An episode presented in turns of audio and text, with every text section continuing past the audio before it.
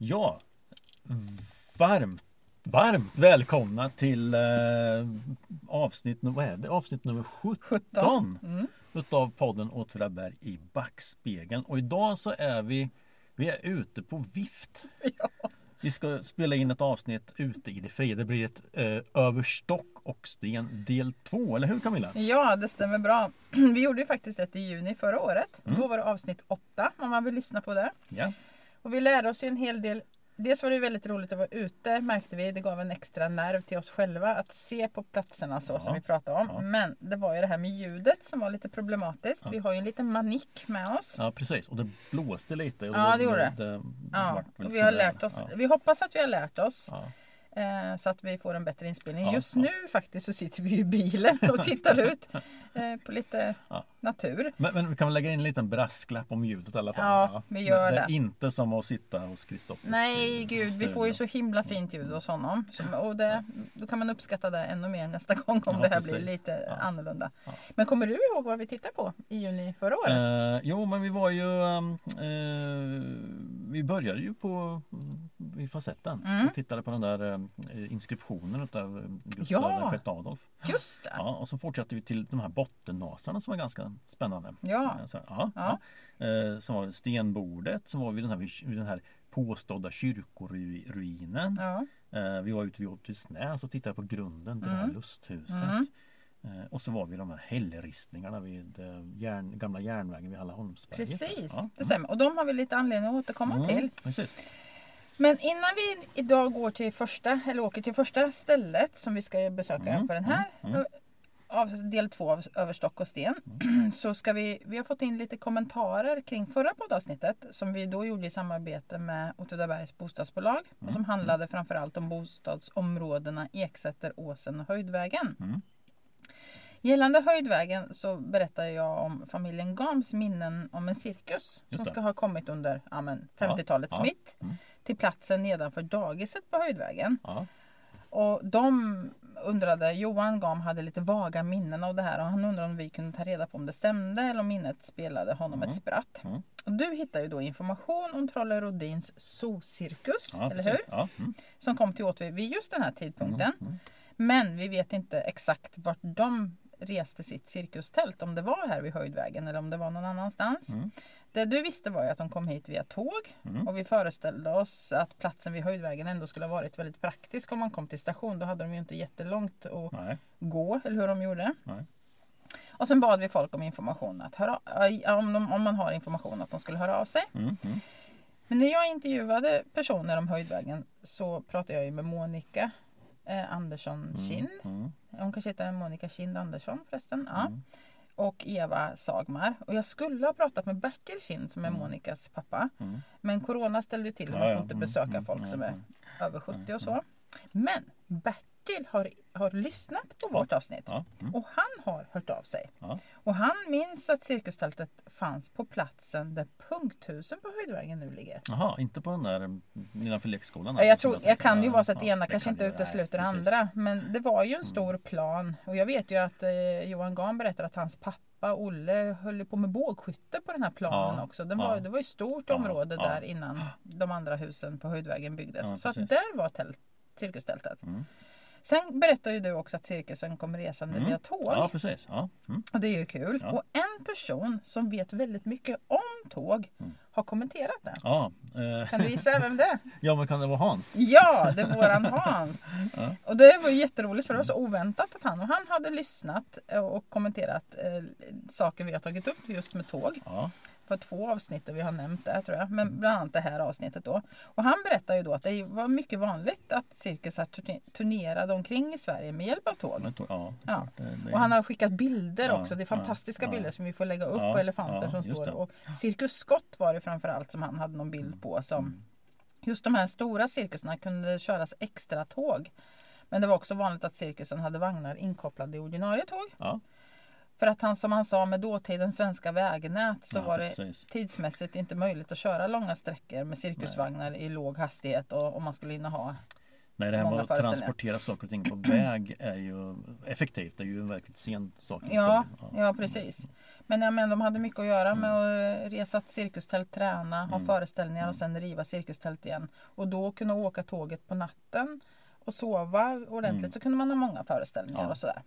Och djur som eh, hästar, kameler, elefanter eller vad man nu hade på cirkusen på dåtiden. På dåtiden ja, på, på den Mm. Ja, tiden. på den tiden. De transporterades i vanliga godsfinkor. Ja, Alltså ja. godsvagnar med väggar och tak. Och så la man in lite halm till dem. Ja. Sen hade ju ofta cirkusen en alldeles egen traktor som också åkte på tåget och så kunde man ju dra med hjälp av den då bos- bostadsvagnarna från stationen ja, till cirkusplatsen. cirkusplats, Men djuren, Mm. för vi skojar ju lite om det här om de ledde lejonen eh, liksom till Ja. höjdvägen. Och det, vi hade faktiskt inte så fel. För att eh, när det gällde transport av djur så var det ju enklast faktiskt att de fick gå själva. Ja. Kanske man inte hade lejon men man, elefanter hade man garanterat.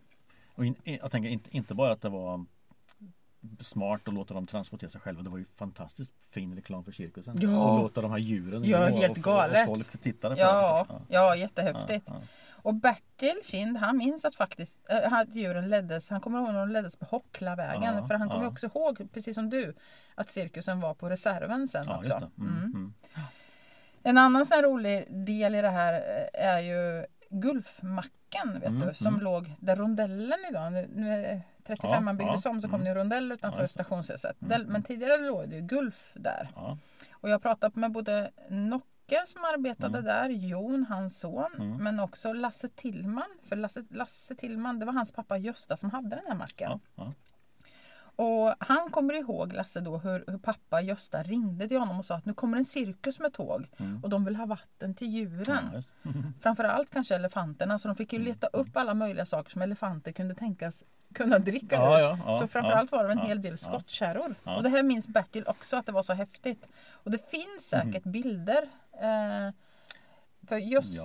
Ja. Lasse Tillman, han har ju en syster som är bekant för oss som har suttit i brukskultur. ja, men precis. Caroline ja. Ja, och hon kunde tänkas ha bilder kvar från korren eller Ah, någonting sånt här. okej. Ja. Mm. Så det var en kommentar om förra avsnittet. Ja, så ja. det var lite kul. Och Man får gärna kommentera och så vi kan få mer information om man vill det. Om precis. cirkusen och annat. Ja, ja. Men nu tycker jag att vi... ja, men nu eh, ska vi vilja hoppa ur bilen snart tänker jag. och ge oss iväg här lite. Ja precis, och vi är alltså i, i um, vi är mellan uh, Alserum och Halsebo. Ja men det kan man säga. Vi har ju Ja. faktiskt åkt i riktning mot just Höjdvägen först Mm, och så har vi åkt vidare ut förbi Berg. Mm. Förbi det Mm, och till det som då heter Alserum. Ja, mm. Eh, ja. Och det som är intressant här, alltså tanken är ju nu är att nu ska vi åka kring, och titta på några spännande platser, några mm, otäcka platser kanske, några, mm. ja, lite, lite så här och några roliga platser. Mm. Ja, så här. Mm. Eh, och man kan ju tänka sig att de som lyssnar kanske också är intresserade av hur det verkligen ser ut. Ja. Så de kan, Absolut. Och nu, hit, det är Mm, jättebra att mm, du säger det, för nu i coronatider mm. så är det ju mycket folk ute och Ja, rör på sig. ja. Jag gick runt Bysjön här Mm. i helgen tror jag det var. Mm. Det var som värsta E4. Ja, Det var så mycket folk. Ja, ja. Och det är jättehärligt och jättekul och man håller ju ändå avstånd även om många går runt och. Ja. Men man kan ju också åka ut, ut till andra skogar vilket folk naturligtvis gör. Men här är ju jättetrevligt alltså, och jättekul. Ja men precis, och grejen är att det finns väldigt mycket spännande att se runt om Åtvidaberg. Så vi Mm. kommer att vara lite längre från Åtvidaberg Ja. än vad vi har varit förut. Tidigare. Men, ja, Mm. precis. men här mellan, mellan Halsebo och Alserum på den Mm. gamla vägen här så finns det en hel del verkligt spännande lämningar. Det finns medeltida hyttplatser, det finns lämningar efter kolning och framställning av kära, det finns olika gränsmarkeringar. Eh, lämningen efter bebyggelse och, och verksamhet på, på olika sätt. Så att säga. Eh, och här, just här ska vi titta närmare på, på två stycken. Mm. Eh, Problemet med sådana här lämningar tycker jag alltid att man fattar ju inte vad det är. Nej, Man, fatt, man, man måste ju få nästan en instruktion om att det här Mm. är en sån lämning. Ja. För att förstå vad det är man ser. Ja. Ehm, ja. Men eh, nu ska du kanske ge en sån instruktion då. Ehm, Ska vi traska den här vägen fram lite? Ja, men jag tror vi gör det. Ja, Mm. så- får vi se. Det finns eh, ett par spännande saker. Ja, men då gör vi det. Ja, men. Ja.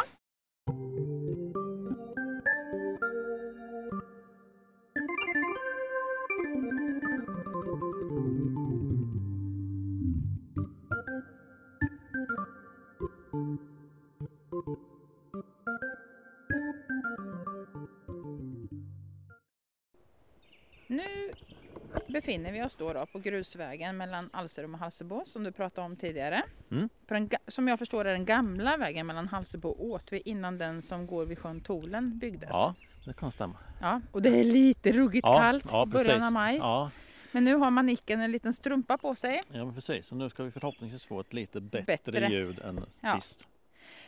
Så det, det som nu känns ödsligt och mitt inne i skogen var nog inte riktigt så här ödsligt om vi tänker oss för 100-150 år sedan. Nej. Du berättade att det fanns en massa lämningar, vi ska titta vidare på dem. Ja. Så att det var en hel del aktivitet här ute Ja. faktiskt. Då, Förmodligen massor med torp och, och gårdar runt omkring och vägen som vi ser här precis bakom oss den trafikerades säkert av hästkärror och gående och ja, sådär. precis. Och skogen här som är planterad. Så Ja, här, så här det var det ju inte- öppen hagmark säkert i, i mångt och mycket. Ja. Mm. Så varför är vi då just här? Jo, Mm. det var så att en tjej som heter Ida Persson som bor, tror jag nu eh, att jag inte säger, hon bor i Kävelsbo som inte ligger så långt därifrån. Hon hade lyssnat på just förra avsnittet Mm. över stock och sten, Mm. alltså avsnitt 8. Och så skriver hon att i avsnittet så pratar ni om hällristningen i Hallaholm. Mm. Eh, och jag vet faktiskt en hällristning till. Mm. Den ligger i Alserum som är fem kilometer utanför Åtvidaberg. Min farmor visade mig och min syster den här ristningen när vi var små. Och den fanns då under mossan på en sten. Mm. Mm. Och sen på senare år, säger hon också då Ida, har någon tagit hand om den här stenen, skrapat bort mossan och fyllt på den här inristningen då med vit färg. Ja. Och då vill jag bara säga tur är väl det, för jag Mm. tror inte att du och jag och med tiden heller inga andra överhuvudtaget Nej, skulle ha hittat nej. den här stenen och den skulle ha fallit i glömska. Förutom då som vi sa Riksantikvarieämbetet eller Ja. fornminnessök. Ja men väl? precis, fornminnesregistret. Så heter det. Ja precis. Arkeologerna brukar inventera Ja. eh, skog och mark. På, Och då kan man hitta. Ja. Så det är ju spännande, jättespännande. Ja, Och just det här området var ju precis prickat med massor med sådana här. Men den här stenen undrar jag Roy, ser du vad det står på den? Jo, men jag gör det. Ja. Ja. Det är ju en flat sten som, som är liksom eh, på, på marken, så den är ju inte rest upp. Nej, Nej, utan den, den ligger... eh, som en häll. Ja, en, liksom. berg, en bit av en berghäll kanske. Kan Ja. Ja. Så det står från, från det två inskrifter. Mm. Eh, på den vänstra står det FOR och sen ett årtal 1890. Och sen är det då på den andra så står det AMR 1880 femte i sjunde. Ja. Mm. Och inte nog med den här inristningen utan bakom oss så finns det också en skylt. Mm, just det. Och på den står det Svenstorpet. Ja. Och tittar man här i markerna, vilket Mm. du och jag precis har gjort nu, vi har gått runt här och ser, så ser man ju att här har legat en bebyggelse. Ja, Det är stenmur, vi såg till och med hakar efter grindstolpar. Mm. Och längre bort var vi borta och såg en matkällare. Ja. Men man ser också att det här är mark som en gång har varit brukad. Som Mm. du sa, att det här har Mm. inte varit skog tidigare. Nej. Och det syns faktiskt lämningarna efter gamla torpet också. Ja, det är en ja, stor hög precis. som, som då eh, har troligen har varit grunden eller varit det gamla torpet. Ja, för den ligger liksom, om man går in vid grindstolparna så ligger den ju på vänstra Mm. sidan. Så det låg med gavelsidan ut mot vägen, det här Mm, torpet då. mm. Mm. Och som du säger på fornminnessök så har de också noterat de här lämningarna efter Mm, torpet. mm. Du pratar om en lägenhetsbebyggelse Mm. och de tar också upp den här stenen, alltså Mm, bergshällen mm, med den här inskriptionen. Och de skriver också att enligt S. Järme, alltså en person som bodde i. Halsebo, Ja, ja. eh, så syftar inskriptionen på två bröder. Vilka bodde i Svenstorp Mm. Och deras utvandring till Amerika. Jaha. Men de sa att det här kan man inte kvalitetssäkra. Det är, ingen, det är inte helt säkert Nej, att det var på nej, det sättet. nej. Och det här vet Ida också om. Hon var den som skickade mig den här eh, fornminnessökningen och den här om S. Järmes som Mm, jag tror är mm, s- mm. en Stig Järme. Mm. Så F-O-R och A-M-R. Det skulle ju kunna vara tänkte jag först For till Ja, Amerika. det? For 1890 kan man tänka. Till Amerika, Ja, M- ja. Men jag tror då att det ska vara de här två brödernas initialer. ja. Så det där blev ju jättespännande naturligtvis att titta i kyrkböcker och se om man kunde hitta de här. Och när jag går in i kyrkböckerna så hittar jag Svenstorpet för första gången i kyrkböckerna tidigt 1800-tal. Ja. Då är det torparen Sven Persson som flyttar in från Gärserum 1807 och sen bor han här tillsammans med hustrun Anna-Maria Nordström. Och förmodligen så är de de första i torpet och jag skulle ju gissa att torpet, Svenstorpet är uppkallat efter just den här torparen Ja. Sven. ja, det verkar ju rimligt. Det verkar rimligt. Ja. Är, det, är vi på Alserums ägor nu tro? Eller är det, Ja, det är vi. Mm, Mm. mm. Så det är liksom i utkanten på där man då utkanten, brukar ja. placera torp. Precis, om man ja. hittar det här under Alserum som Ja, du säger. Mm. Sen bor här tre torparfamiljer till innan en torpare vid namn Jonas Rockström flyttar in med sin familj Mm. ja, mitten av 1830-talet. Ja. Och här bor även hans tre år yngre bror som jobbar som dräng på gården och heter Anders. Och sen tar det bara några år så flyttar Jonas ut och Anders tar över arrendet av torpet. Mm. Och han gifter sig med en Anna-Maja Månsdotter och så får han sönerna Anders Magnus och Karl August. Mm. Och han får en dotter som heter Margareta Matilda. Och när de här barnen är 11, 8 och 6 år gamla så dör hustrun Anna-Maja. Och året därpå, 1852, så gifter Anders om sig med en Anna Rebecka Andersdotter. Och de får tre söner och en dotter. Så yngsta sonen, han är född 1859. Han heter Frans Oskar. Och när pappa Anders då dör 1863 så är det äldsta sonen från det första giftet, alltså Anders Magnus, Mm. som nu är smed. Mm. Han tar över torpet. Ja. Och när hans halvbror Frans Oskar är 14 år så flyttar han in här hos Anders Magnus och Mm. hans familj i Svensktorpet och så blir han smedslärling. Och mycket riktigt så vet vi ju att det också låg en smedja, smedja, här. ja. Mm. Anders Magnus Rockström, Mm. Roy, Ja. och Frans Oskar Rockström. Ja, ja. Vilka initialer har de? ja, men de har ju FOR och AMR. Så det skulle ju vara de, kun, skulle kunna vara de initialerna som står där. Det är helt Mm, klart de här två bröderna. Anders Magnus Rockström och Frans Oskar Mm, Rockström.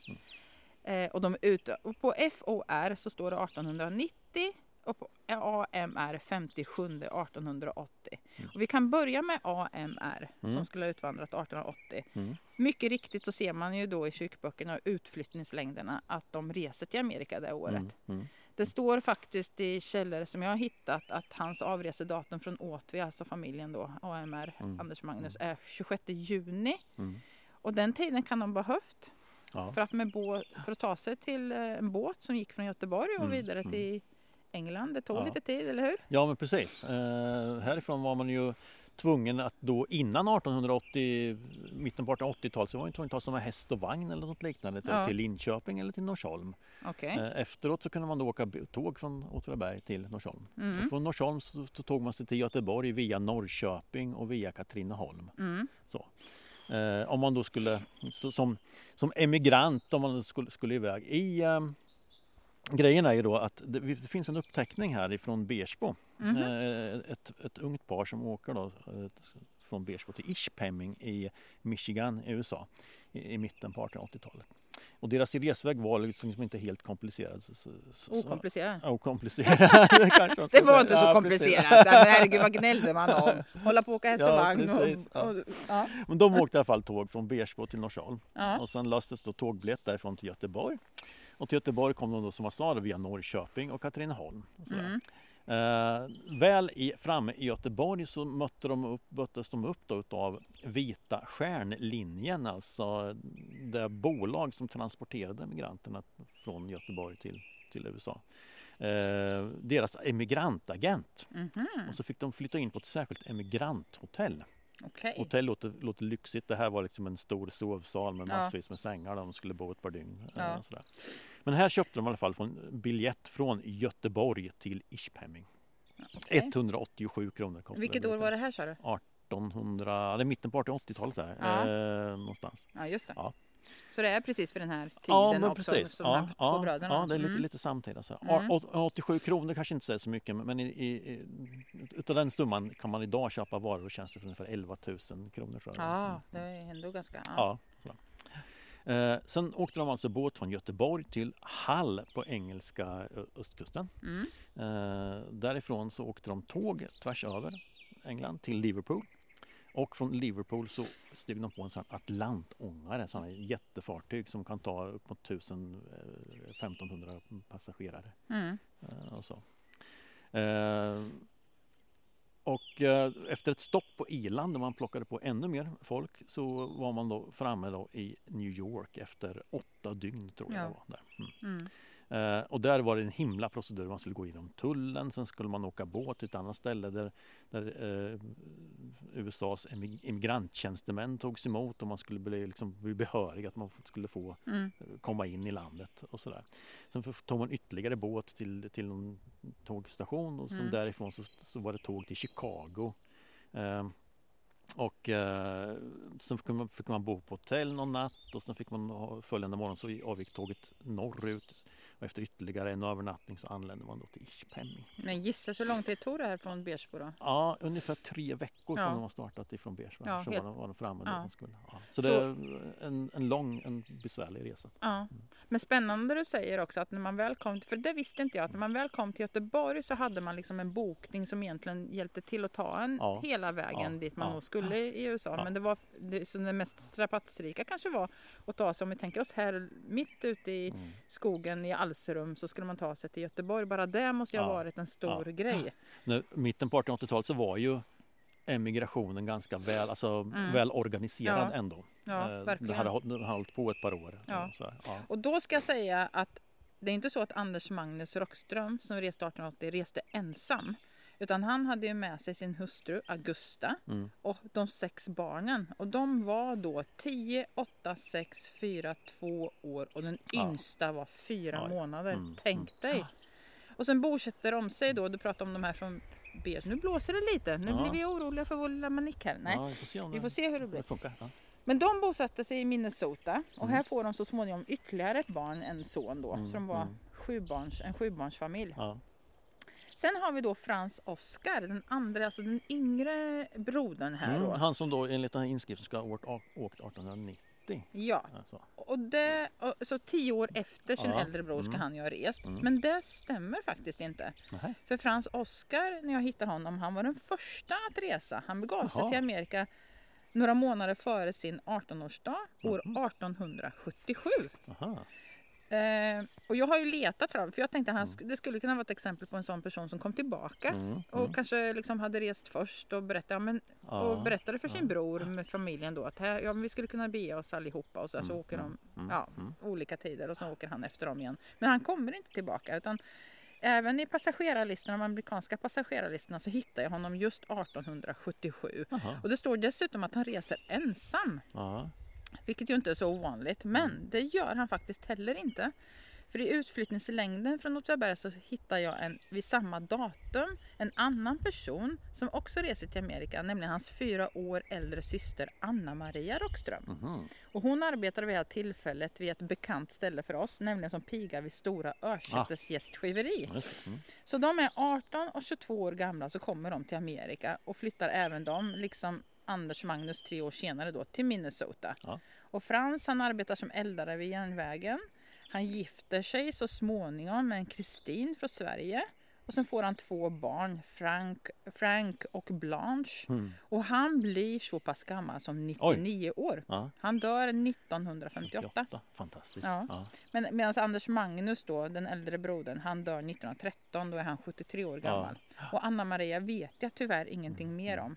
Vad, vad konstigt med datumet då. Ja, stämmer det är inte. jättekonstigt. Inte det... Så det, antingen så tänker jag att Ja, men jag tänkte ju liksom, ja, men, först tänkte jag ju att han skulle kunna kommit tillbaka och sett att brodern hade Ja. skrivit och så skriver han själv då Ja. när han reser tillbaka för andra gången.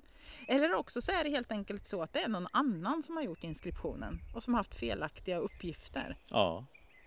För de står ju också lite... o- Ja. Ja, man kan, han- jag vet inte. Men han kan, han kan ju ha varit tillbaka. En Ja, kort- det är klart. på besök. Och, Han kan ha varit på besök och det jag gjorde också var att jag tänkte att han kanske inte flyttade tillbaka till Åtvid. Han kan flytta till någon av grannsocknarnas. Mm. Ja, eh, och så så ja, jag har ju letat i väldigt många. Men jag borde ha hittat honom i andra Ja. passagerarlistor till Jag, jag tänker han kanske varit tillfälligt på besök hemma. Ja, och Och så, så- och såg så- han att brodern hade Ja, skrivit. och och de där datumen kanske då är inskriptionsdatum och Ja. inte avresedatum. Nej, precis. Nej, Ja. Så kan det vara. nej, så det, så det kommer vi inte att liksom Nej, kunna... nej. Det vet vi inte. Eh, så. Men det är spännande att de ändå har lämnat sitt avtryck. Ja, det är jättekul och därmed så kunde vi ta reda på något annat Ja. som jag hittade som jag tyckte var lite roligt. Det var att de ändrar ju sina namn när de kommer till USA. Ja, Ja. Så Anders Magnus, han kallar sig för Andrew och Frans Oskar, han byter namn till Frank. Och inte nog med det, han behåller inte sitt efternamn Rockström utan han väljer att kalla sig för Hillman. Jaha, Och Anna-Maria, kan du gissa vad hon väljer att kalla sig? Mm, Mary, Ann, Mary. Ja men jättebra! Mary Ann. Mary ja. Ann, Så här bor då Andrew, Frank och Mary Ann. Aha. Svensktorpet eh, lär några år efter brödernas emigration ha flyttats, Ja. sägs det, Ja. till Rickardsgården i Alserum Mhm. och ska vara ett av de två mindre torp. Eller, det mindre av de två torp som finns där. Förlåt, Aha. jag har inte Ja, varit i Rickardsgården. Så jag tänkte vi kanske ska försöka hinna Ja, åka dit och ja. titta. Men jag måste också som avslutning på den här eh, inskriptionen Mm. och så också berätta som jag tycker är en väldigt rolig sak med hela den här historien. Kommer du ihåg att jag i ett avsnitt läste delar av ett brev Mm. Mm. från en person i Åtvidaberg till sin svåger i Amerika? Ja, det. Ja, Som ja, beskrev liksom hur fint det Mm. hade blivit på orten. Att kommer du hit så ska du se att Mm. och så, så. Och jag hade ju med det här brevet i en uppsats som jag skrev när jag läste historia vid. Linköpings universitet. Mm. Och eh, det jag inte visste när jag läste upp det för dig eller när Mm. jag skrev min uppsats var att denne svåger som, skri- som det skrivs till i Amerika var Anders Magnus Rockström. Jaha, kul. Och författaren Ja. heter A.P. Salomonsson och var bror till Ja. Augusta, alltså Aha. Anders Magnus hustru. Ja. Så när jag har rotat i det här så har jag ju återigen haft kontakt med Kalle Salomonsson Mm. eh, som var polis Mm. vet du, Mm. i Mm. Åtvidaberg. Ja. Så det, han har också berättat eh, kring det här. Augusta är ju då en släkting till Ja. honom. Och det är han, en släkting till honom som heter Rut som har, ja, som har fyllt i den här vita färgen. Och även Kalle Aha. själv tror jag har Okej, gjort det. Ja, ja, ja. Så att vi ska, verkligen ska kunna se. Och så, ja. ja, och håller liksom, underhåller den De här håller stenen. minnet levande utav Svensktorpet. Ja absolut. Och Ja. också har satt upp den här skylten Mm. där det står Svensktorpet. Det är en häftig plats där. kan jag tycka. Mycket. Men just det, det är häftigt att det finns så mycket lämningar kvar här. Ja, verkligen. Eh, Ja. Och jag hoppas ju verkligen att Ida nu känner sig nöjd med Mm. att veta lite mer om Svensktorpet Mm, också. mm. Ja. Bra. Men ska då- vi ja, men bege oss då- vidare? Ja, men vi vandrar Jag känner att jag på, behöver röra på på mig, vägen. för det är ja, lite kallt om Ja, händerna. vi Ja. går vidare.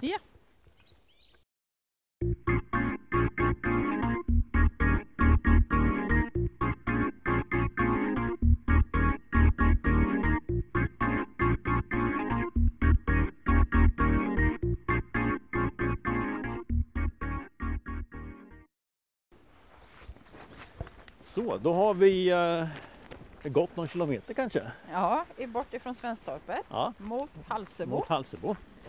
Eh, och nu närmar vi oss en sak som man kanske eh, nio gånger av tio går förbi faktiskt. Eh, ja. utan, att ve- utan att veta. Utan att tveka, absolut Ja, hade ja. jag gjort det. Precis. Ja. Nu Men står- inte du. Nej precis, eh, för jag har sett den här förut. Mm. eh, Sådär. Ehm, det, det finns väldigt mycket lämningar runt den här trakten som vi sa. Och nu står vi alltså vid en sten. Mm. Eh, vad kan den vara? Eh, en halv meter hög Ja. kanske, 50 Ja. centimeter. ja. Jag ska ta kort på den Ja, nu. 20-30 centimeter bred kanske, lite spetsig. ja. Eh, och sen är den lite, det är lite rött, eller lite rost på något sätt. Ja. Rost, eh, man kan se att det är lite rostigt på. Ja, sådär. Eh, den är ganska anonym. Eh, sådär. Men, Ja. men, eh, Fast nu när man, du har pekat ut den så såg jag ju faktiskt den eh, Ja, ja, ja, tydligt när vi kom och gick här. Mm. precis. Eh, det här är alltså en väghållningssten. I i eh, det gamla bondesamhället fanns det väldigt mycket markeringar. Man satte upp markeringar av olika slag. Det var gränsmarkeringar eh, för de olika eh, fastigheternas gränser. Eh, Mm. sådana skälstenar det kallas det för. Eh, och så fanns det exempelvis sådana här väghållningsstenar. Heter det själstenar som i själen? Alltså olika skäl som, Alltså- som, som, som är vägskäl fast Jaha! gr- gränsskäl. Jag tänkte man åh vad vackert med Ja. själsten. Ja. Det får att tänka på, vi har pratat om häradsmärken. För, Ja, precis. Ja, Det är också en typ ja, av- ja, precis. Finns det- gränsdragning. finns Det finns en mängd sådana eh, Mm. och vet man inte liksom att man vet man inte vad det är eller vet var de finns så är det svårt att se dem. Mm. Likadant kanske med den här då.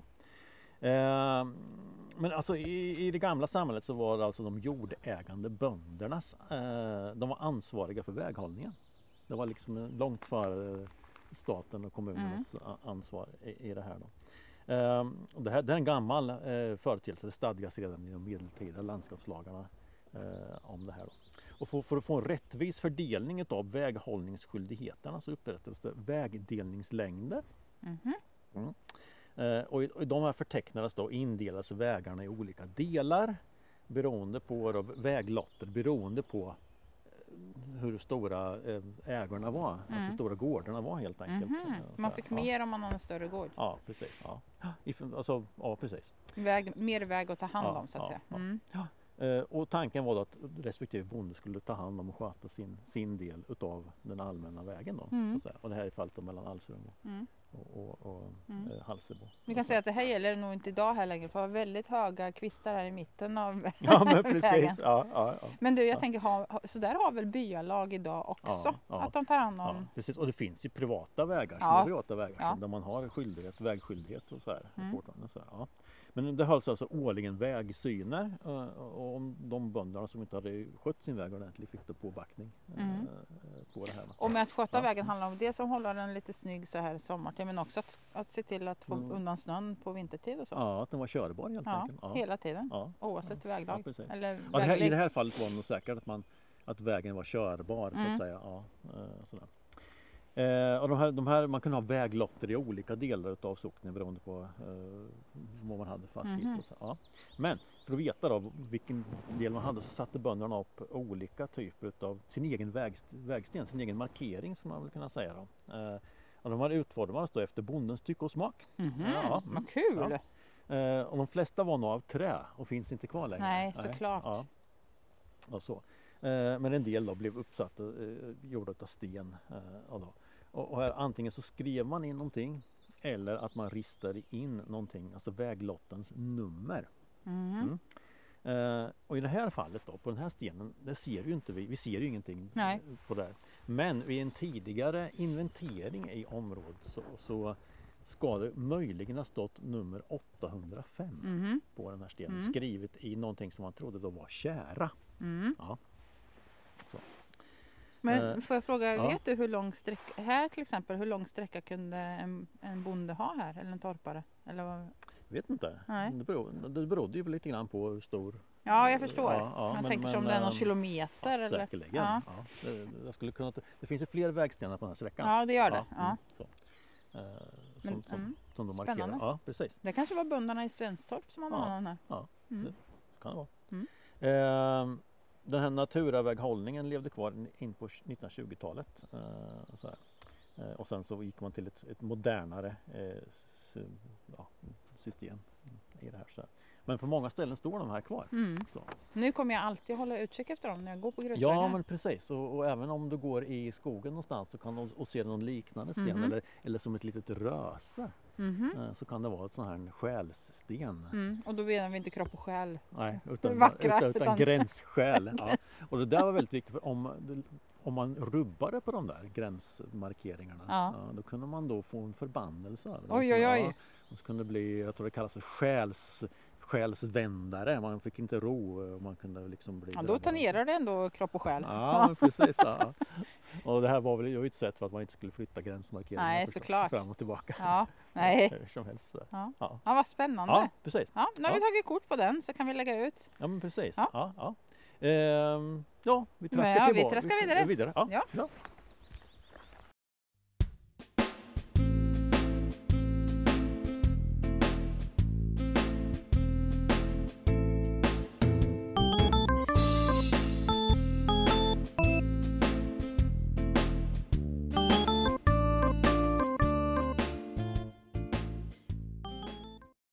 Ja. Ja, nu har vi stannat igen. Nu har vi verkligen gått över stock och sten och ris och, Och mossa. Ja, Och ett gammalt före detta kärr. ja. Ja.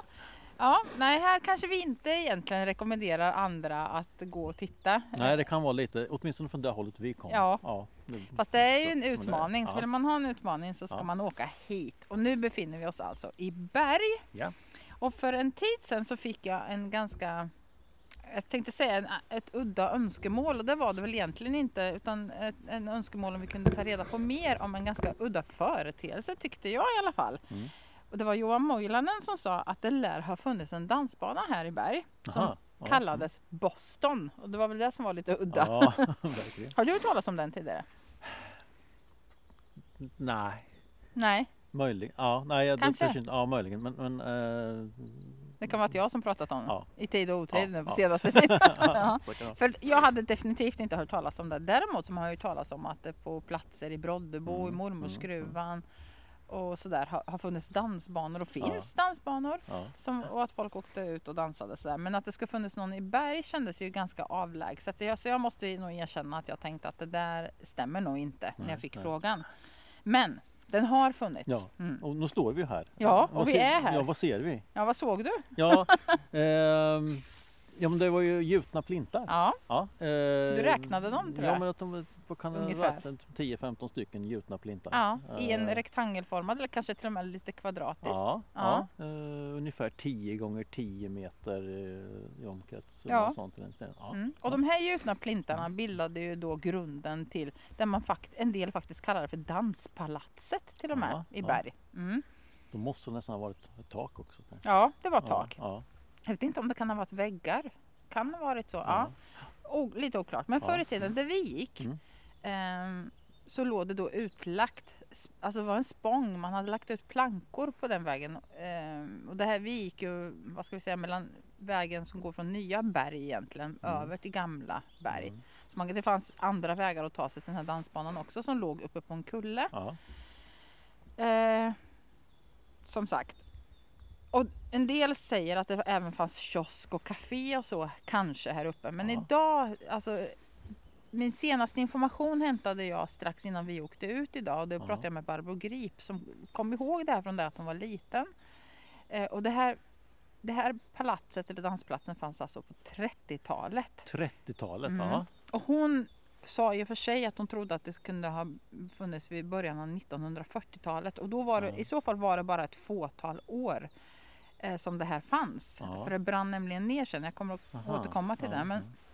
Och hon kom inte ihåg en café eller kiosk utan hon kom ihåg att det var det här stället och att man ungdomar höll till här men Mm, även mm. andra ha- hade ibland lite fester här uppe. Ja. Att det var ett ställe man kunde använda. Men de som byggde det som, och det är alla överens om, alla jag har pratat med säger ett och samma sak. Att det var resande folk eller som man då sa zigenare, det vi idag skulle kalla romer. Ja. Som bodde här i närheten och ska ha de som har rest det här palatset då. Som Okej. drev dansbanan en kort tid. Och sen fanns det kvar och då var det ungdomar som ja, men gick hit. Och, Bodde de här då? Ja, jag vet inte. Jag har letat lite liksom i kyrkböcker och sådär för att försöka hitta. Men jag har inte hittat något. Ja, men det lär de ju ha gjort och kommit hit och byggt upp det här. Och då frågade jag henne också om det kostade pengar och det kunde hon inte komma ihåg. Hon sa nej men ungdomarna hade ju inte råd att liksom betala något. Så att hur de hade råd att driva det här och kanske ta hit lite band som spelade, det är oklart. Men eh, de ska i alla fall ha gjort det Mm. och eh, drev den här dansbanan. Och hon sa också, Barbro Grip i morse, att det, det fick alltid stå orört. Det var ingen som liksom slog sönder eller gjorde... nej. Ja, det, det val, höll, man höll liksom ordning på det här stället. Ja, ja. Sen i början av 40-talet, 42 eller 43, så var det tydligen ett häftigt åskoväder. Och blixten slog ner, eller åskan, vilket, eh, vilket är det som slår ner igen? Blixten. Jag säger alltid fel! Blixten slog ner Ja. i åskovädret. Ja, ja. Men inte, den slog ner här, men inte bara här utan också i ett hus i Alserum där vi nyss har varit. Ja. Och ett hus i Berg också Ja, här då. ja. Men man valde ju naturligtvis att rädda bostadshusen. Och dansbanan här uppe på kullen Mm. fick brinna ner. Sen sa hon här att allt är så fint och sådär men det Ja. har, verkar ändå ha rått ganska delade meningar om dansbanan egentligen var ett så bra tillhåll för ungdomarna eller nej, inte. Nej, dansbanor överlag hade väl dåligt rykte. tänker jag. Precis, du är inne på någonting Ja. där. Det var nog många vux, eh, framförallt vuxna som inte tyckte att det var så bra att ungdomarna gick hit och roade sig, att det var demoraliserande. Ja. Eh, så jag tänkte väl återigen, lilla konspiratoriska jag, kanske var det inte så att blixten slog ner här utan det kanske var någon påpasslig som slog, såg till, till när brandmännen precis. ändå var ute på andra uppdrag. Mm. Nej, vi ska inte så. Nej. Men så precis som du säger, det var demoral, demoraliserande och mot Mm. alltså 30-talets slut och 40-talets ingång så pågick det också i hela landet en livlig debatt, alltså i Sverige, Ja. om ungdomen och det som man såg var en brist på moral. Och den nya ungdomskulturen. Den som alltid finns. Den som diskussion- alltid finns finns. i den diskussionen. Ja, Den gud tar ja. man faktiskt idag ja. med. Och där man själv brist, bristen på moral. Ja, och där man själv börjar bli den här Ja, vuxna som tycker att eh, herregud Ja, vad dålig inte- att musik inte är. ungdom, Ja, och att inte ungdomarna har någon moral. Ja, och, ja, precis. Ja. Och den här debatten som pågick just då och som kanske ändå var den första ungdoms, alltså debatten för att det här med ungdom m- jag vet inte hur länge man har haft det begreppet Nej. egentligen, men det var väl gans, kanske ganska nytt. Eh, den nådde sin kulmen 1941 och den gick under faktiskt namnet. Vet du vilket namn det är? Det är väl det här dansbane... Ländet, ja, det, precis. ja. Så det är precis det. Mm. Och dansen var ju en del av det här som man förfasade sig över. Sen fanns Mm. det ju andra, det var amerikanska filmer som man började se Ah. på. Och det var, vad heter det? Så här, kolera, kolorerad Kolorerade. veckopress Ja just det ja. Ja, och sånt. Ja. Men just dansen var det här väldigt oroande. Ett Ja. träsk som behövde saneras. Jazzmusik kanske tänker jag. Precis, Ja, den ja. äldre generationen Ja. förbannar sig över den Ja. moderna dansen och musiken jazz som Ja, du säger, ja. swing och jitterbug. Ja. Som man såg nästan som en farsot.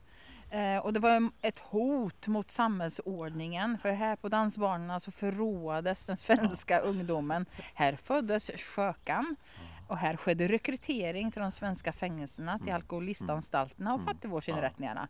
Här hetsades den svenska ungdomen till sexuella utsvävningar. Oj. Ett syndens näste. Mm. Fatta! Det bara vibrerar här i luften. Ja.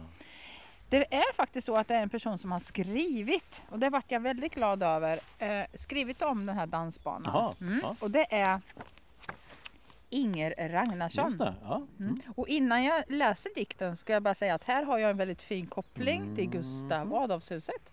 Minsann. Ja. Hur har jag det då? Eh, jo men hennes son Jörgen Ragnarsson Jajamän. den som har renoverat Ja, huset. som eh, var en Ja. av de som såg till att det Just inte det. Revs en ja, gång i tiden som tog hand om det och som bodde där. Ja. Så eh, här har vi kopplingen. Här. Mm. Men nu ska jag läsa hennes dikt om, som heter Branden. Säg, minns du den natten när Boston brann? När blixten från skyn gjorde straffdomen sann? Det kom ett folk av mystik och färg och byggt detta tempel för nöjen i berg. Hit sökte sig danslystna ungdomar gärna. Ja, Boston för dem blev en skimrande stjärna. Men rykten surrade, talet gick och Boston ett rykte för omoral fick. Ja, många ansåg det faktiskt vara ett syndens näste, en ungdomsfara. Så kom en åsknatt man sällan sett, då blixtar ljungade stup i ett. Ett flammande ljussken, en blixt som slår ner, en häftig brand mot natthimlen ser. En kusig, kuslig känsla av straffdom och bann man upplevde natten då Boston brann. Det är jättebra Ja, sammanfattning. Ja, ja. Både hon får med det här folk av mystik och färg som Mm. byggde detta tempel för ja. nöjen. Och att det brann och blixten Ja. som hon säger som slog ner. Ja. Och straffdom och hela det här moralen, hela Ja, alltet ja, är ju fångat ja. där i den dikten. Jättebra. Ja, ja. Du, eh, jag funderar på namnet Boston. Ja, Det undrar jag ju Det är också. lite häftigt. Kan det ha att göra med den här amerikaniserade... Mm. Kolorerade. Just det. Nej, ja, men det tänker jag också. Musiken, jazzen och, och swing och allt det här kom väl. Det var ju mycket influenser från Amerika överhuvudtaget. Ja, så jag tänkte ja. att det var väl bara ett häftigt namn. För jag har pratat med flera stycken om, om det här som Dels så var det Lasse och Kerstin Kjellert som visade mig ja. dansban eller det här kullen första Mm. gången. Han hade lite minnen av det också, Lasse. Det är flera personer jag har pratat med men ingen av dem kan för, förklara namnet Boston. De säger bara att men det, det hette så och det, det, ja, det är Mm. ingen som vet hur det föddes. Nej, nej. Spännande och att det finns lämningar kvar här. Det är jättekul. Ja, faktiskt. Ska vi ta oss en sväng om innan vi åker hemåt? ja, det kanske vi ska göra. Ja, det kanske vi ska. Kan du dansa jitterbug? Nej. Tänk, Ja, tänk de här husen som ligger där. De Ja. ser dig hur du svingar mig upp i luften. Ja, men nu går vi och gör det.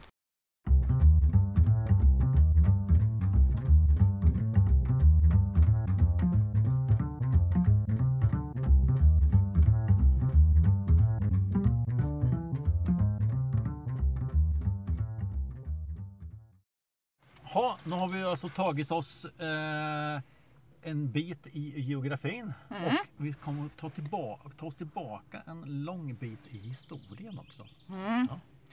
Eh, vi är alltså nu på vägen eh, mellan Dala säteri, eller Dala och eh, Örsnäs. Eller vägen som går in till Dala och Örsnäs. Mm. Ja. Vi har också, alltså åkt Dalamåbacken, förbi Örn och Dalamåbacken upp och sen in höger. Ja, Mm. precis.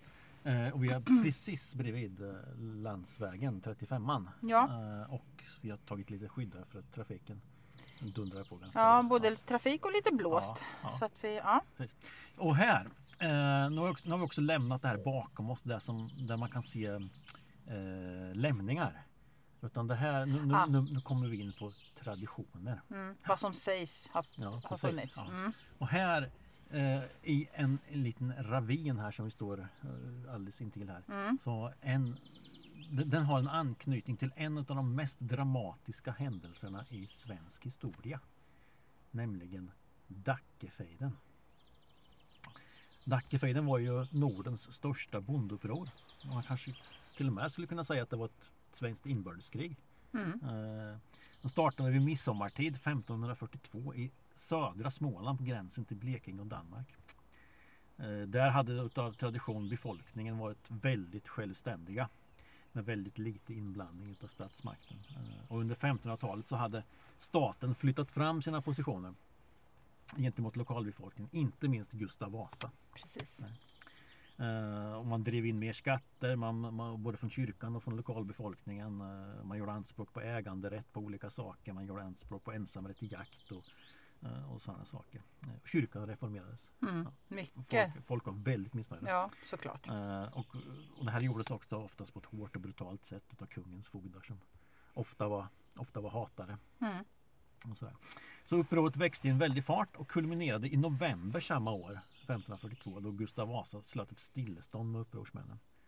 Och då hade de alltså kontroll över hela Småland. utom, Nu, vilka var det som hade kontroll? eh, bonde, Bönderna som gjorde bönderna uppror. som gjorde uppror. Ja. Ja, Eh, då hade de kontroll över hela Småland Mm. utom Kalmar och Jön, städerna Kalmar och Jönköping. De hade kontroll över hela Öland. Och de hade kontroll över södra Östergötland, skogsbygderna. Mhm. Som då även det här. Det här, ja. mm. precis. Ja. Ehm, och ledare utav de här var då en, en krononybyggare byggare som hette Nils Dacke. Mm. Därav namnet då Dacke. Dackefejden. I januari 1543 så gjorde Gustav Vasa en motoffensiv med en helt nyupprustad armé. Han hade eh, skrivit kontrakt med en massa legosoldater. Hade han inte slutit stillestånd 42 Jo, sa du? men, men det bröt han sen. Sen Ja, sket han i det. ja, han, han bara liksom formerade Ja, sig, stärkte sig. Och vilken taskig kung. Ja. Eh, och under, under våren 1543 så, så besegrade han då den här, besegrades den här bondarmén. Då. Mm. Eh, och Dacke, själva Nils Dacke dödades i juli samma år. Mm. Eh, och så. Hur dödades han då? Eh, nej, han, eh, han, han var på flykt och han sköts eh, med, med armborstel med pilen och. Ja. och sen så så hängdes han och sen upp, del, styckades och hängdes upp i Mm. Kalmar, Kalmar stad och så här som, ja, hemskheter Mm. som de gjorde. Ja. Eh, Men här alltså i den här ravinen så sägs alltså en strid ha utkämpats under Dackefejden. Mm. Eh, Lite före vid riksväg 35 byggdes. Ja, men lite före. Ja, precis. Ja. Och här ska också då hästskor och stridsmunderingar påträff- påträffats. Jaha, Ja, mm, i här. Så. i ravinen? Ja. Eller runt omkring ja, här i, ravinen. skogen? Ja, i ravinen. Ja. Ja. Och två kilometer österut eh, på Örsnäs ägor. Mm. Eh, där ska man då i närheten av sjön Vin. Där ska man då i slutet av 1800-talet också eh, vid jordbruksarbete ha plöjt upp en mängd Mhm. hästskor. Mm. Och den platsen ska också vara förknippad med en strid Mm. under Dackefejden. Under Dackefejden också? Ja. Aha. Så någonting sägs det då Ja. har hänt Ja. i den här trakten. Och eftersom det här området var, alltså att de hade, hade det här under sina, hade lagt beslag på det här området ju. Så är det Ja. väl inte helt otroligt. Nej, eh, det skulle kunna, skulle kunna Mm. vara så. Eh, så. Men det spännande tycker jag det här att i den officiella historieskrivningen kring Dackefejden så finns det ingenting som är relaterat till den här trakten. Nähä, okej. Eh, det är dokumenterat strider som stod i Kisa-trakten. Mm. Det är välskrivet. I Mm. Mjölby, Skänninge, Linköping förvisso. Eh, och mellan, mellan Stegeborg och Tjust lär då härar ha gått fram och tillbaka Mm. både kungens och, och eh, eh, upprorsmännens. Då. Eh, men här i trakten noteras ingenting. Så är det inget noterat. Okej, Och det är inte vi- heller egentligen något namnskick som kan kopplas till Dackefejden. Eh, alltså i Kisa finns det Dackestenar. Mm. I Kättelsta socken fick det också en Dackesten som har fått namn efter det här. I Horn i, ja, i Kindatrakten och i Gärsrum finns det Dackeberg. Mm. Men i Åtvik, Grebo, Björsäter och Värna socknar finns inga sådana namn knutna Nej, till. Dackefejden. Mm. det, det, liksom, det är ju en spännande tanke att det stått en strid här. Mm. Dackeravinen och det, och det, alltså, ja, precis, skulle vi ja, ha. men precis, det skulle ju kunna heta det. Mm. Vi får döpa den till det. Ja, vet du. Dackeravinen. Ja. Ja. Och det skulle kunna vara sant. Jag tänker att eh, det- man, man, olika militärformeringar strövade ju säkert runt i byggnaderna och plundrade och, och, och slogs. Ja. I, I den här bonde, bondehären så fanns det många grupperingar som slogs i Dackes namn men som Mm. liksom opererade självständigt. Man gav sig på kungens män. Man kanske plundrade lite här och där. Och, och så här. Det kan mycket väl ha varit en sån ja, att det som, inte behöver vara... som varit någon, någon utbrytare Ja, ja. eh, i den här trakten. Då. Eh, det vet vi ju inte. Nej. Eller så är det som med många traditioner. Det finns helt enkelt ingen Grund. ingen grund Nej. i det här. Men det ska man också vara medveten om tycker jag. Mm. Att traditioner är inte alltid, är inte Sanna. alltid sanna. Nej. Och det kan ju finnas andra anledningar till att man hittar hästskor. Mm. Ja, ja precis. Och, även stridsmunderingar. Eh, danskarna härjade här eh, på 1560-talet eh, och plundrade Östergötland. Eh, det kan ju vara då. Det kan finnas andra tillfällen. Det kanske har varit en, en militär övningsplats Mm. eh, för ett rytteri eller, eller någonting i den De stilen. här hästskorna som har hittats, var fin- Mm. vet man vart de finns nej, idag? Nej, jag vet inte. Jag tänkte, Det- de borde ju kunna ingen som- dateras ja, egentligen. Precis, så att, eh, det vore ju häftigt om man kunde Hitta hitta eller, eh, om det fanns någon kvar. Om de har tagit hand om de här någonstans. hästskorna som Mm. de har plöjt upp. Mm. Eh, Om ja. någon känner till en hästsko härifrån ravinen så hör av er. Ja men precis. Ja. då skulle vi hemskt gärna. Det Vi vill gärna se den. Ja, precis. Mm. Spännande i alla fall Ja. att det finns en tradition som knyter an den här platsen. Verkligen. Ganska obetydliga platsen Ja, ändå, visst. eh, till en, en, en Ja. Och den här ravinen är ju lite som, som, som vi kan se här så är den ju lite klassiskt bakhåll. Absolut. Man- du fick ju feeling när vi gick där Ja, uppe. men Jag precis. såg det. Ja, Mm. så här, så, så man Att kan skulle kunna sig- kasta den ner Ja, men precis, man kan tänka sig att de har anfallit uppifrån. Robin. Hood. Ja, ja, Mm. precis. Så. Om man åker riksväg 35 från Åtvid till Linköping. Vi såg ju den så nära så jag tänker att det måste vara precis. När vi åker tillbaka ska jag titta. Jag, jag Mm. tänker att det är kul att veta nu. När man kommer upp från Dalamobacken upp på krönet och så åker man ner i sänkan där in till höger. Ja, Kan ja, det stämma? Ja. Vi ska kika på den nu. Så Ja. kan man veta att där inne är ravinen. precis. Mm. Ja, eh, nu ska vi fortsätta Ja. riksväg 35 mot Linköping en bit. Okej, Då kör vi iväg. vi kör vidare.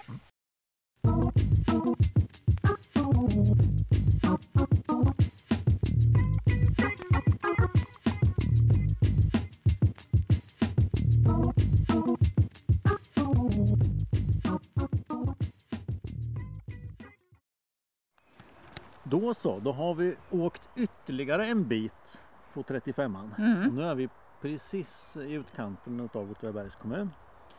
Vi har åkt förbi Grebo eh, och svängt vänster upp på en liten väg precis innan vi kommer ut på raksträckan vid Fillinge. Ja, innan Fillingeåka. I Fing- Innan, innan Fillingevaka. stämmer. Ehm, vi har gått ungefär 100-150 meter in på en skogsväg och så har vi gått ytterligare upp på en kulle.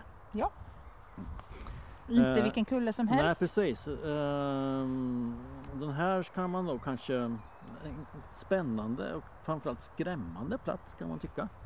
Eh, tycker jag i alla fall. En plats som man bör nalkas både med vördnad och respekt. Det här har utspelats tragiska saker, åtminstone med våra mått mätt. Mm. Jag, blir alltid, jag blir alltid lite obehaglig till mods när jag tänker på sånt som har hänt där. När man läser om sånt som, som, som händer på sådana platser. Mm. Eh, vi står alltså vid en plats som en gång i tiden var Bankekins härads stegel och rättareplats. Alltså den gamla avrättningsplatsen. Mm. Eh, och Och faktum, och förlåt, faktum är ju också att vi ser ju på håll kan vi se bort till Fillinge mm, tingshus.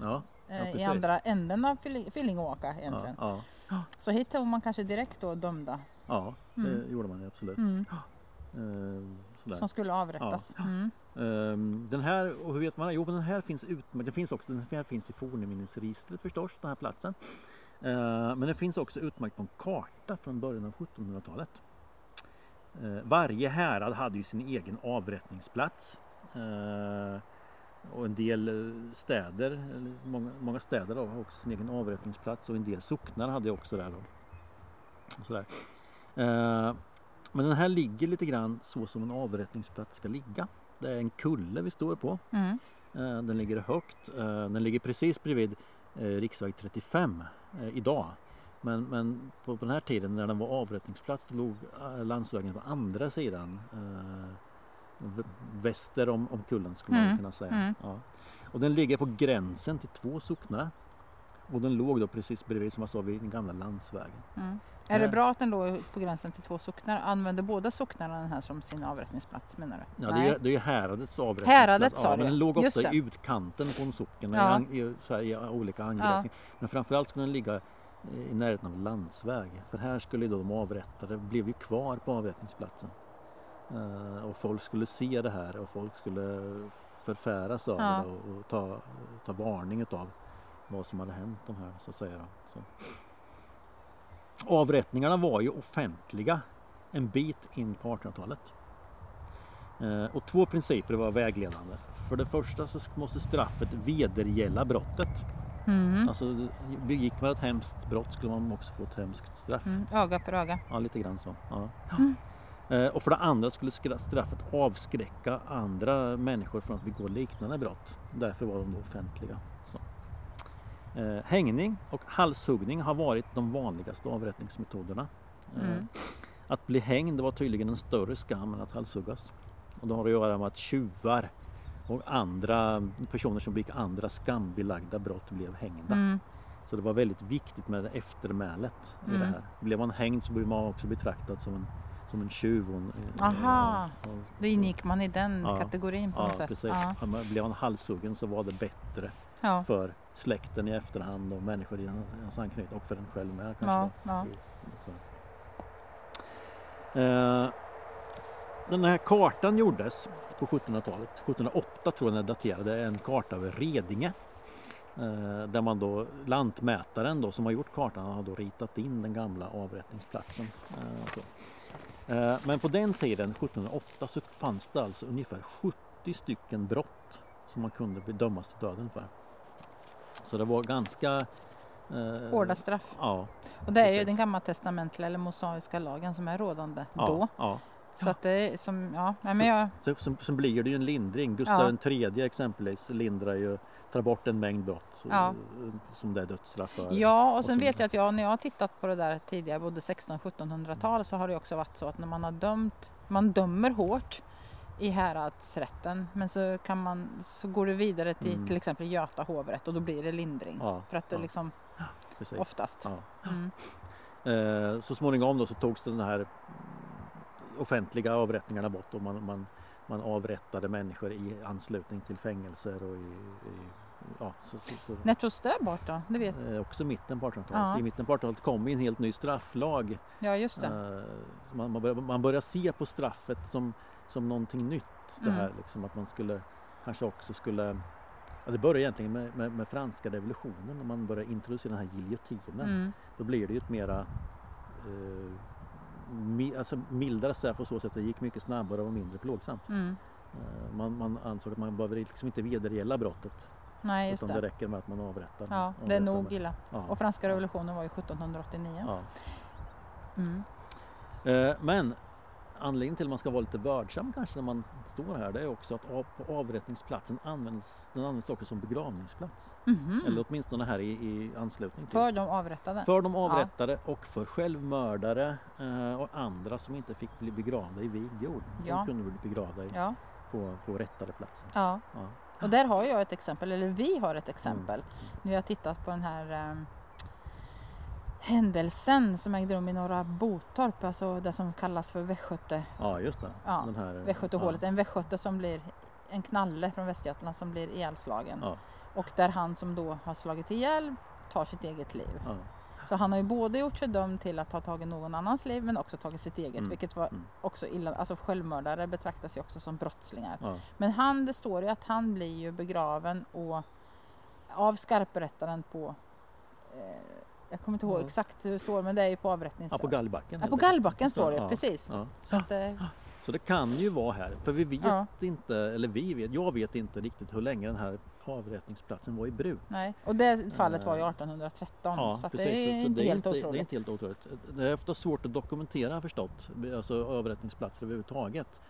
Eh, hur länge de var i bruk, var exakt var någonstans de låg eh, och sådär. Inte ens i häradsrätternas handlingar framkommer det alltid var, var de här avrättningsplatserna låg. Så, här, man kan, så man kan förstå det i efterhand. Så här.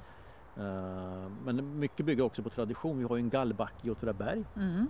så Den har vi pratat om Ja, tidigare. ja. Mm. Att den förmodligen inte var en gallbacke. Nej, det känns ju väldigt osannolikt eh, Mm. eftersom det var i häradsrätten man blev dömd. Att de skulle transportera en till. Ja, Mm. men, men man vet aldrig som sagt. Men vi hade Nej. ju sån här, vad hade vi nu igen? Bergsting? Bergsting hade vi, men de dömde aldrig någon till döden. Nej, Nej, just det, det det var var- inte så. De, de bara dömde de som hade supit och Ja, inte precis. kunde, inte Ja, kunde ja. gå Milda, rakt. mildare brott eller Ja. mildare, mildare straff. Ja. Men grejen är ju det här att, att om några år så ska man ju eh, lägga om vid riksväg 35. Just det. Eh, så. Eh, och då kanske man breddar den här och då Ja. kanske man måste gräva sig igenom den här kullen. Ja. För den ligger ju precis Ja. bredvid riksväg Ja, för den 35. ska ju gå genom eh, Grebovallen har man ju förstått. Ja. Och då borde det här kunna komma i fråga. Ja, men det vore otroligt intressant. Eh, är det nog så att man, man kanske påträffar rester efter någonting. Det, det kan finnas människor som har Mm. Blivit begravda. Mm. Gissa om vi kommer stå här du och Ja, jag ja, då. precis. Du hittar ju en liten benknotte här borta då. Ja, undrar om det var ett djur eller om det var... Mm, man vet Mm, nej, man vet inte. Vi har dokumenterat den så Ja. vi får lägga ut den bland bilder sen. Ja. Ja, vi ska inte skoja, vi skulle vara vördnadsfulla. Ja, och nu kommer solen. Ja. Så underbart. Mm. Men det är en, det är en, eh, en eh, spännande plats på så sätt eh, i Ja. alla fall kan man tycka. Och, att- och jag har aldrig reflekterat över Man åker förbi den varje gång man åker till och från Linköping så åker man förbi den här på, på bara 10 meters avstånd kanske. Ja. Så att, eh, Ja. ja. Jag kommer alltid att tänka, jag kommer att tänka nu på ravinen, Mm. Dackefejden Mm. där. När man åker förbi och sen strax därefter så kommer avrättningsplatsen på vänster sida. Efter Grevår. Ja. Mm. Ja. Spännande. Jaha, det här var sista stoppet vi hade. Ja, Eh, men vi har resonerat lite när vi har mm, åkt. Ja precis, och vi är, idag. ju, vi är väldigt sugna på att göra en, eh, nästa månads avsnitt också en sån här på resande fot. Ja. Ja. Dels för att det är härligt att komma ut Mm. och som vi också säger, det ger ju också en extra dimension för oss själva att befinna oss här Ja. på platserna.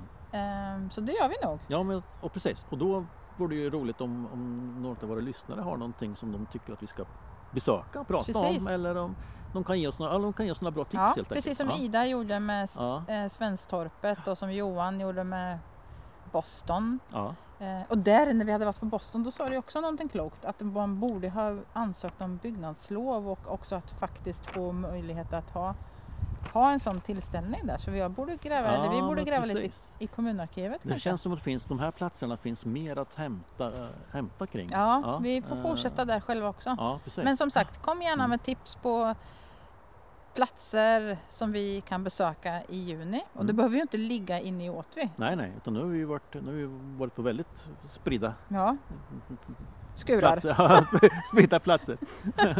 Faktiskt, ja. Ja. Men toppen, toppen. ja. Då beger vi oss tillbaka Ja, mot Åtvidaberg. säger vi så. Ja. Hej då!